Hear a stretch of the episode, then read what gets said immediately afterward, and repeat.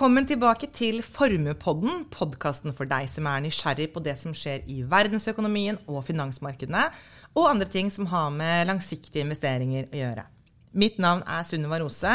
Jeg er kjernefysiker og kan jo ikke disse tingene, men jeg har i dag som vanlig med meg sjefstrateg i Formue, Christian Lie. Hei, hyggelig å være sammen med deg igjen. Takk, det samme. Dykke inn i ditt hode. Gjennom de episodene som vi har spilt inn nå gjennom hele, hele 2022, altså hele, hele Formepoddens historie, egentlig, så har vi snakket uh, veldig mye om nedturer. Det har gått uh, fra nedtur til nedtur til nedtur, dessverre. Men forrige episode, for to uker siden, da snakket vi om at det var en opptur gjennom sommeren. Og så hadde du en spådom i forrige episode Christian, om at uh, den oppturen antageligvis ikke var kommet for å bli, og at det kom til å snu. Og det fikk du dessverre rett i. Så det ser ut til at stemningen igjen har snudd til mer nedtur. Så det vi skal gjøre i dag, er at vi skal se på hva som har drevet disse skiftende narrativene, og ikke minst hvordan utsikten er fremover. Så får vi se om du klarer å spå rett igjen, da, Christian. Så aller først, Christian, hvorfor har stemningen og kursutviklingen endret retning så mange ganger i løpet av året? Ja, det er et godt spørsmål. Og det er jo eh, Hvis vi ser på årsakene til det, så er det det som har gjort det vanskelig å være investor. Fordi eh, liksom, historien om, om, hva som preger markedene, og om vi har nådd bunnen eller ikke, det liksom har, har, skiftet ganske ofte. Men hvis vi begynner med inngangen til året, så hadde man jo en forventning om at denne inflasjonsøkningen som man så i veldig mange land, den kom til å være midlertidig. Og på det tidspunktet så hadde vi jo rekordnoteringer i, mange aksjemarkeder. Men etter hvert som man gikk inn i 2022, så innså vel stadig flere at denne inflasjonen bare fortsatte å, å stige. Og det førte til en kraftig endring i hvor høyt investorene forventet at styringsrentene ville havne. Altså hva sentralbankene kom til å gjøre. Og Det som skjedde da, det var jo at uh, vi fikk en kraftig økning i markedsrentene, som da er de rentene investorene bestemmer, og som reflekterer hvor man tror at uh, det generelle rentenivået og styringsrentene kommer til å ligge frem i tid. Og da er det sånn at Når de rentene stiger kraftig, så gir det store kursfall i obligasjoner, som vi har snakket om. Og fordi at eh, denne bølgen av eh, oppgang i aksjemarkedet etter pandemien var drevet i veldig stor grad av såkalte vekstaksjer, som også er veldig rentefølsomme, mm. så fikk vi parallelle store kursfall i aksje- og, og obligasjonsmarkedet. Disse vekstaksjene, hva er det det er igjen? Det er, uh... det er i hovedsak uh, aksjer som har en uh, høy andel av sin forventede inntjening langt frem i tid.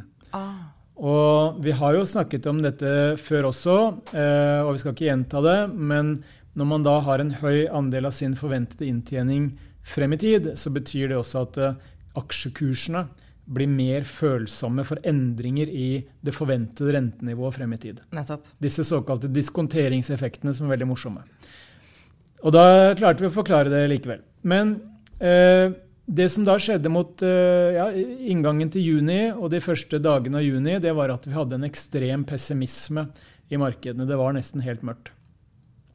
Og da eh, er det ofte slik at eh, når det er helt mørkt, så skal det ikke så store gnisten til før man ser litt mer i det mørke rommet. Ja, utrolig god analogi. Nydelig, nydelig bilde. Ja. ja. Eh, og denne gnisten det var da forventninger om at eh, inflasjonen i USA var i ferd med å nå toppen, og at den amerikanske sentralbanken da ikke kom til å være så eh, tøff og aggressiv i renteøkningene som det man hadde fryktet på forhånd. Og når man da i tillegg fikk veldig solide nøkkeltall fra amerikansk økonomi, og da tenker jeg på arbeidsmarkedet som fortsatte å vise styrke, vi fikk forbrukstall fra USA som viste at amerikanske husholdninger fortsetter å bruke penger. Selv om de sier at de er veldig pessimistiske til sin egen økonomi, så fortsatte de å bruke penger. Ja. Uh, og det bidro til den uh, etterlengtede oppgangen som vi fikk gjennom sommeren. Men uh, grunnen til at jeg var litt skeptisk til at dette markerte bunnen, og at vi nå skulle få et nytt langvarig bullmarked igjen, Ja. det var jo at denne oppgangen hvilte på det jeg kalte en gullhårhypotese. ja. Eh, det vil si at Og eh, ustabilt. Ja, altså Det markedene tok for gitt, da, det var at inflasjonen skulle falle raskt ned. Mm. At sentralbankene skulle kutte renta. Den amerikanske sentralbanken skulle kutte renta allerede i mai-juni neste år. Eh, og at dette skulle skje samtidig som man unngikk en resesjon, altså at økonomien skulle få en såkalt myk landing.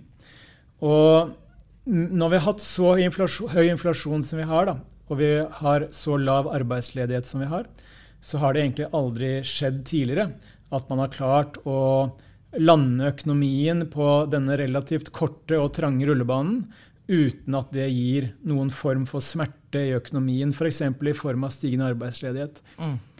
Og den usikkerheten som lå og hvilte der, den ble egentlig utløst og forsterket etter en hendelse i Wyoming okay. i USA. Fordi der samles nemlig sentralbanksjefer fra verden rundt for å diskutere pengepolitikk og utsiktene for verdensøkonomien og arbeidsmarkedet og alt dette her. Og der var markedene i forkant veldig engstelige for at den amerikanske sentralbanken, den amerikanske sentralbanksjefen vel å merke, skulle fremstå som haukete. Og da skal du spørre hva haukete betyr? Nei, Vi har snakket om det før. Jeg Ja. lærer meg disse haukete og bull og bear og Så jeg skal ikke spørre om bra, noen ting nå, så bra. Jeg Eh, lærer finansk. Men for de som ikke husker finansk, eh, og hva haukete betyr, da, så er det jo at eh, man signaliserer en mer aggressiv pengepolitikk. Mhm. Fordi hauken flyr høyt. Mhm. Mens en duete pengepolitikk eh, den er mer forsiktig, rentene skal ned. Og det er jo fordi duene da sitter stort sett på bakken mm. og gjør sitt fornødne. Men nok om det. Eh, men den frykten for at eh, Jerome Powell, som han heter, amerikansk sentralbanksjefen, skulle være haukete, den frykten ble realisert, og vel så det. Fordi Jerome Powell han eh, holdt en overraskende kort tale, og han var krystallklar i at uh, inflasjonen er for høy. Vi må heve rentene mer. Og vi kan heve rentene såpass mye at det kommer til å gjøre vondt i økonomien. Og at vi kan se stigende arbeidsledighet. Mm. Så han var egentlig krystallklar. Og samtidig som Jerome Powell sa disse ordene, så var det også uttalelser fra Den europeiske sentralbanken som gikk akkurat i samme retning. At der også er det ingen annen utvei enn å heve styringsrentene for å få inflasjonen ned. Og når da begge disse sentralbankene, de to viktigste i verden, går ut og er så krystallklare, så førte det til at markedene, investorene, igjen måtte regne om eh, sine forventninger til hvor høyt styringsrentene skulle stige. Så da steg både korterenter og langrenter, og bidro da til en ny periode som vi er inne i nå, med svakere utvikling i aksjemarkedet og svak utvikling i oblasjonsmarkedet. Mm.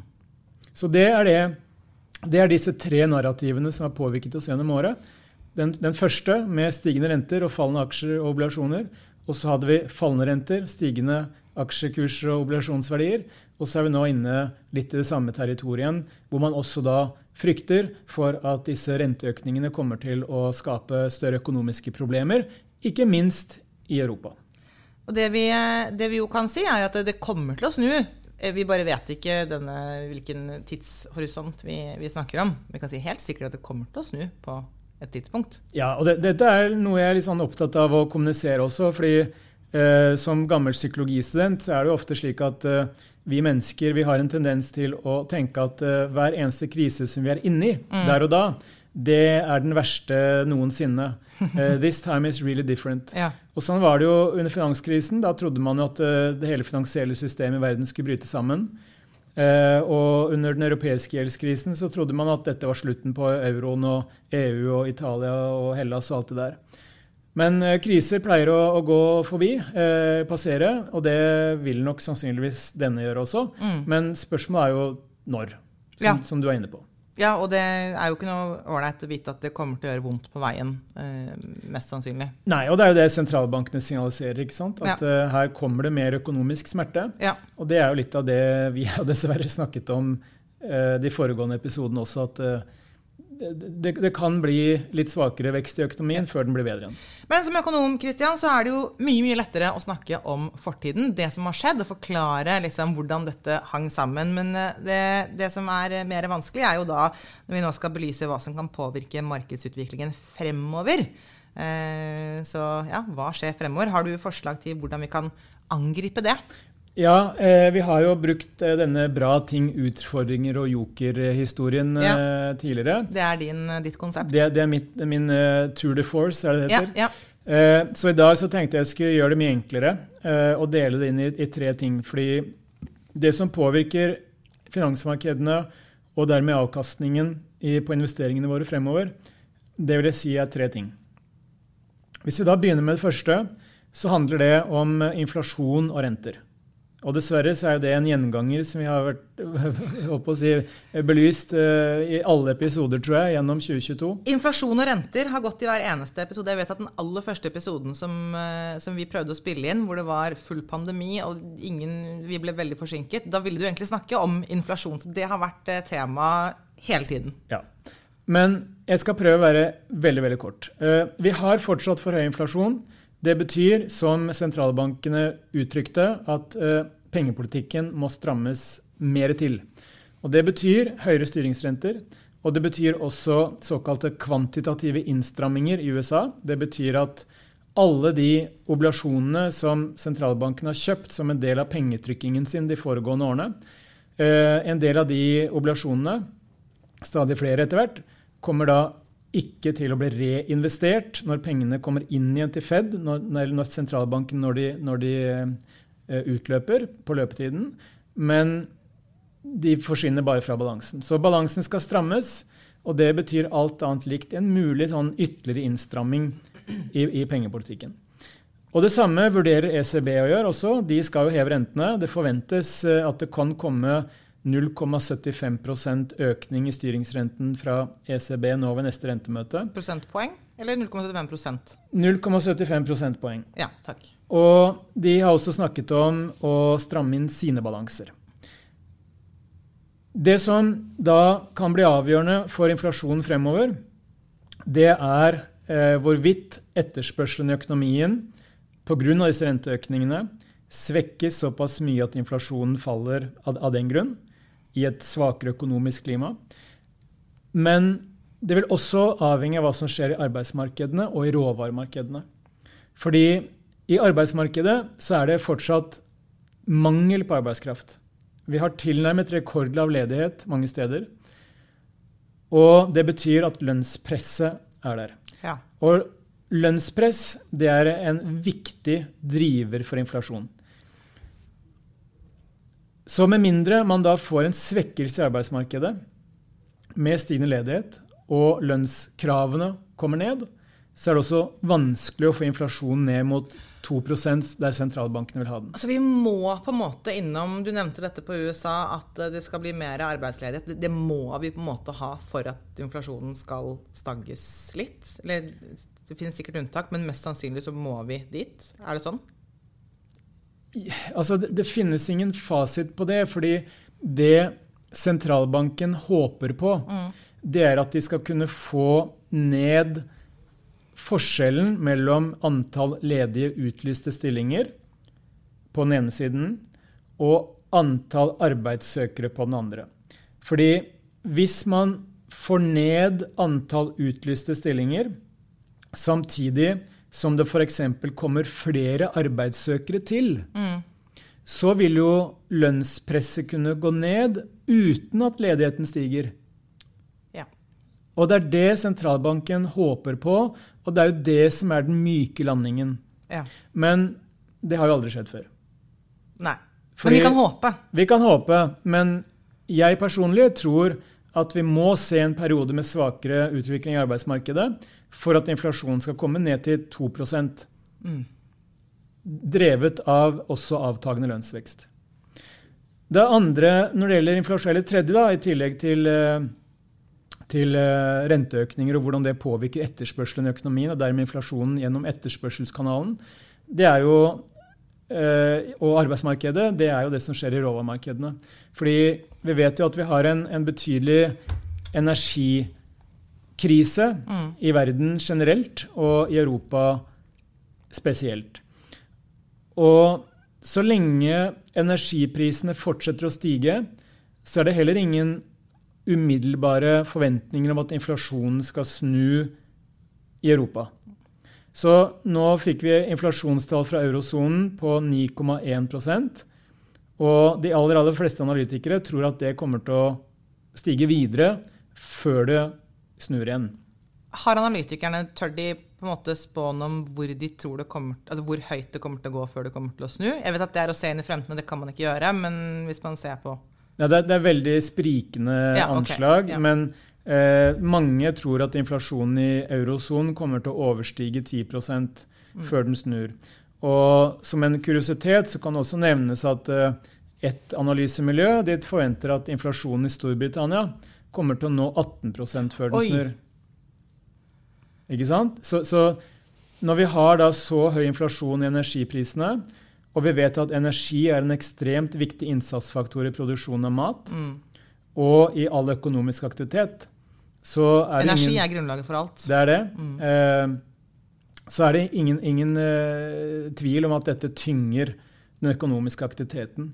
Og det setter jo sentralbanken i en knipe. Uh, når det gjelder energimarkedene, så er det også flere faktorer. Og vi har jo geopolitikk som spiller inn dette her, med Russland. ikke sant? Nå har de mm. stengt ned denne Nord Stream 1-gassledningen eh, til, til Frankrike først.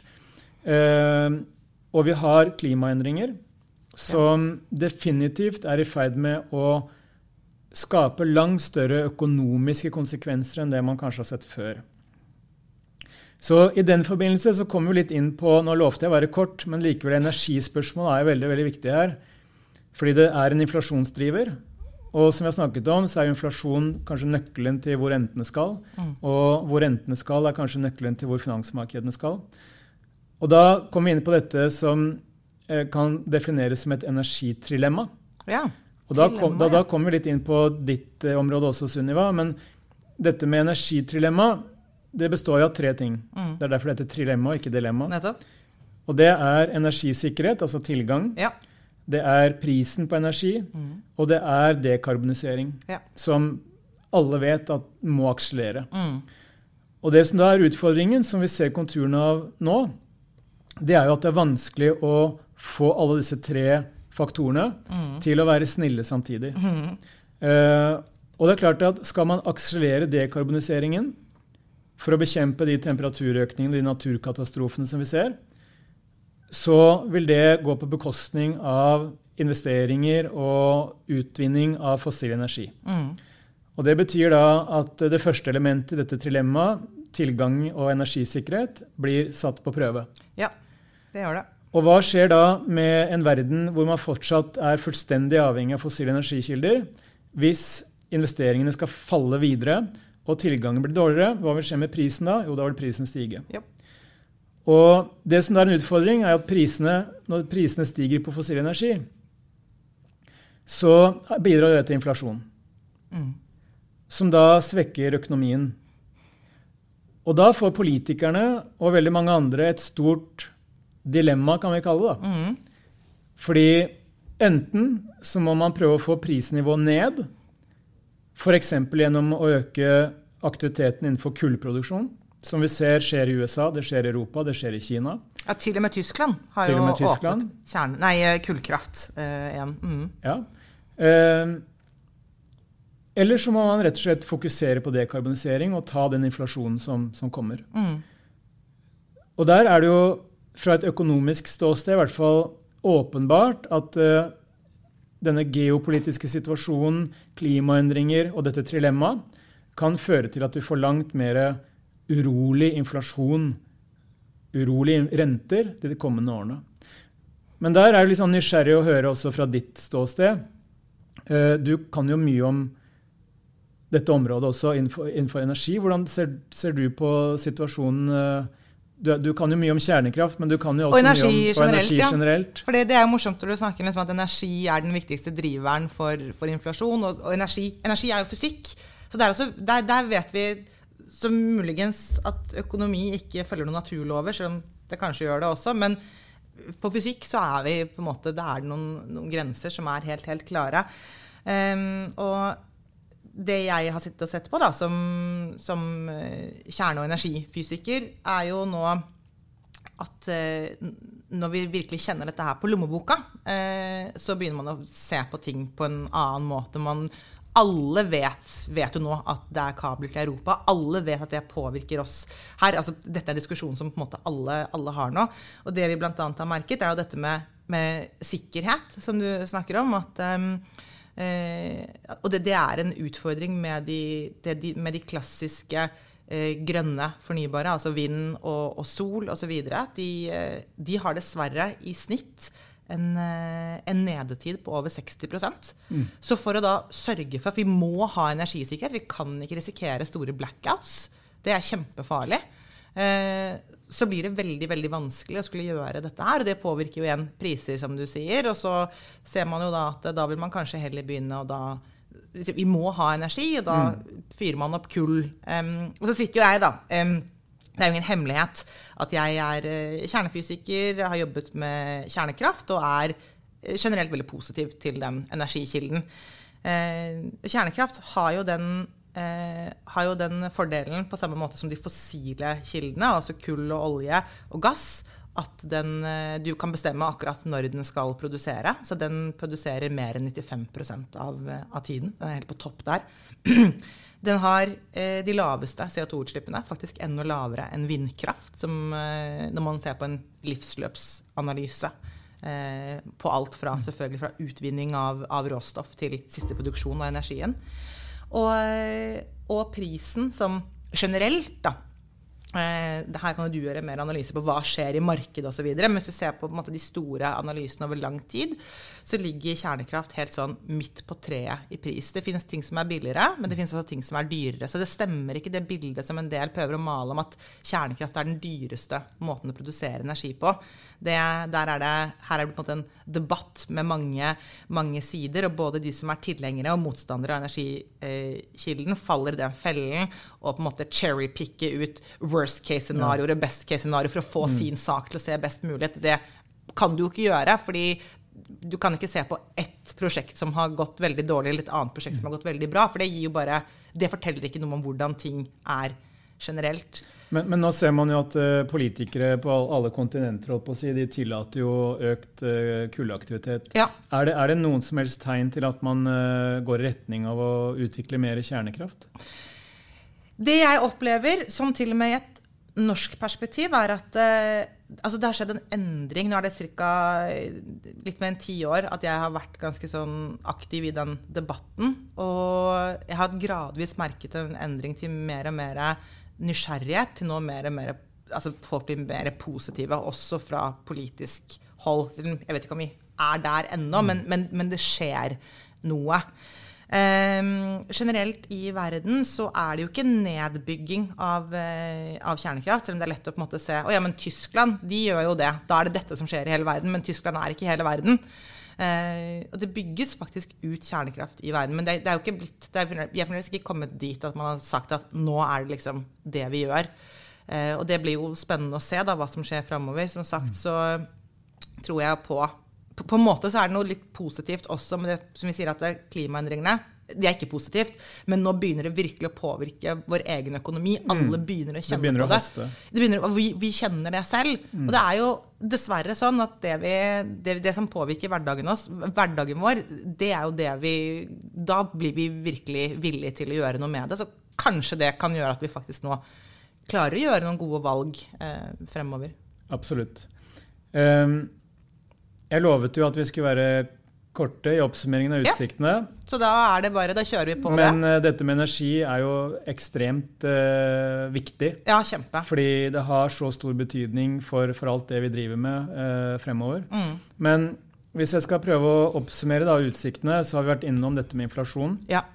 Og det er den første av tre bokser som skal oppsummere fra. Mm. Uh, og, og, og, min liksom, konklusjon der er jo at inflasjonen er fortsatt veldig høy, og den vil sannsynligvis kunne avta fremover pga. at uh, råvareprisene har kommet noe ned, enten vi ser på olje eller industrimetaller, jordbruksråvarer har kommet noe ned fra de toppene som var. Og vi ser også at forbrukerne rundt omkring de dreier liksom forbruket fra varer til tjenester, som også da er med på å få ned vareinflasjonen etter hvert. Men at USA nok er langt lenger fremme i løypa enn det man er i Europa og Storbritannia. Hvor uh, den inflasjonstoppen sannsynligvis kanskje ikke kommer før i, i 2023. Mm. Så inflasjon fortsetter å være en het potet. Uh, på makrosiden, hvis vi skal oppsummere hva dette betyr for verdensøkonomien, så må nok global økonomi vente på et positivt vendepunkt.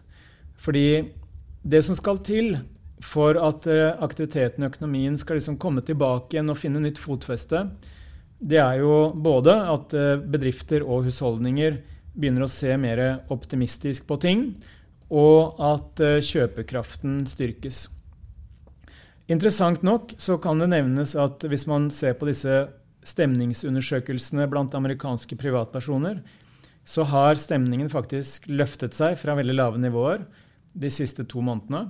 Og grunnen til det, det er egentlig, den er enkel. Det er eh, vesentlig lavere bensinpriser. Mm. Så det skal ikke mer til.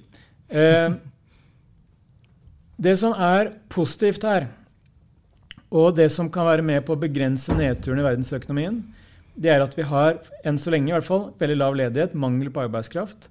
Det betyr at de som stort sett har forutsetninger for å få jobb, de, de får jobb. Og det betyr at man opprettholder kjøpekraften sin. Eh, selv om inflasjonen er høy. En viss kjøpekraft, i hvert fall. Eh, man har forbruksvilje. Man ser, som vi var inne på, at eh, folk bruker mer penger enn det de sier at de skal gjøre.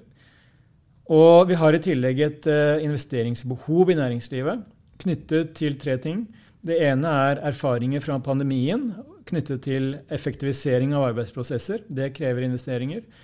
Dette med deglobalisering og geopolitikk og det som på engelsk kalles reshoring. Ikke reassuring, men reshoring. Okay. Altså at man flytter produksjon hjem. Ja.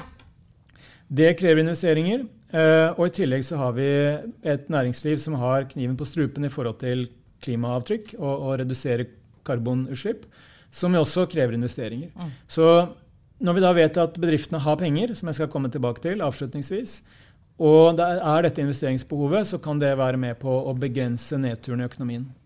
Så det er bra. Avslutningsvis, i tillegg til å snakke om inflasjon og pengepolitikk og utsiktene for verdensøkonomien og de kompenserende faktorene som er, så er det jo snakk om hvordan finansmarkedene er posisjonert for dette her.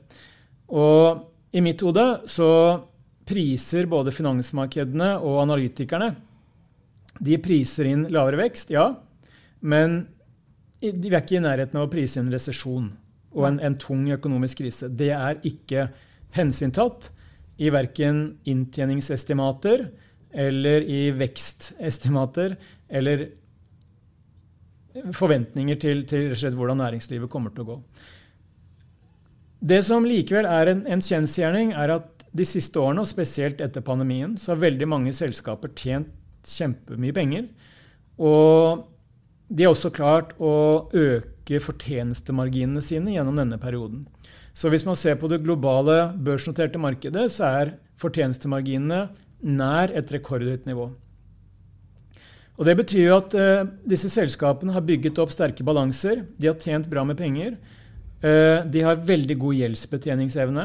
Hvis man eksempelvis ser på obligasjonsutstedere i USA eller i Europa, så har de unormalt god rentedekningsgrad, dvs. Si evne til å betjene gjelda si. Mm. Så det er et, eh, en, nok en formildende faktor. Det er bra. Så selv om mye på en måte peker i retning av at vi skal eh, si ned ytterligere et gir eller to i den økonomiske aktiviteten i verden, så er det også stabiliserende faktorer som eh, jeg håper kan være med på å absorbere dette her, sånn at vi får denne oppturen igjen eh, om ikke så altfor mange kvartaler. Ja. Så som vanlig så sitter jeg litt sånn Ok, da krysser jeg, krysser jeg fingrene da og håper på det beste. Tusen takk, Kristian. Eh, og tusen takk til deg som lytter. Eh, jeg vil gjerne be om en tjeneste, og det er at hvis du som lytter eh, ønsker mer eller mindre av noe, eller har noen ønsker rundt det vi snakker om her i Formuepodden, så legg veldig gjerne igjen en kommentar. Sånn at Kristian og jeg eh, kanskje kan spisse eh, Formuepodden fremover enda mer mot akkurat det du har lyst til å høre om. Så tusen takk, og vi høres igjen om ca. to uker.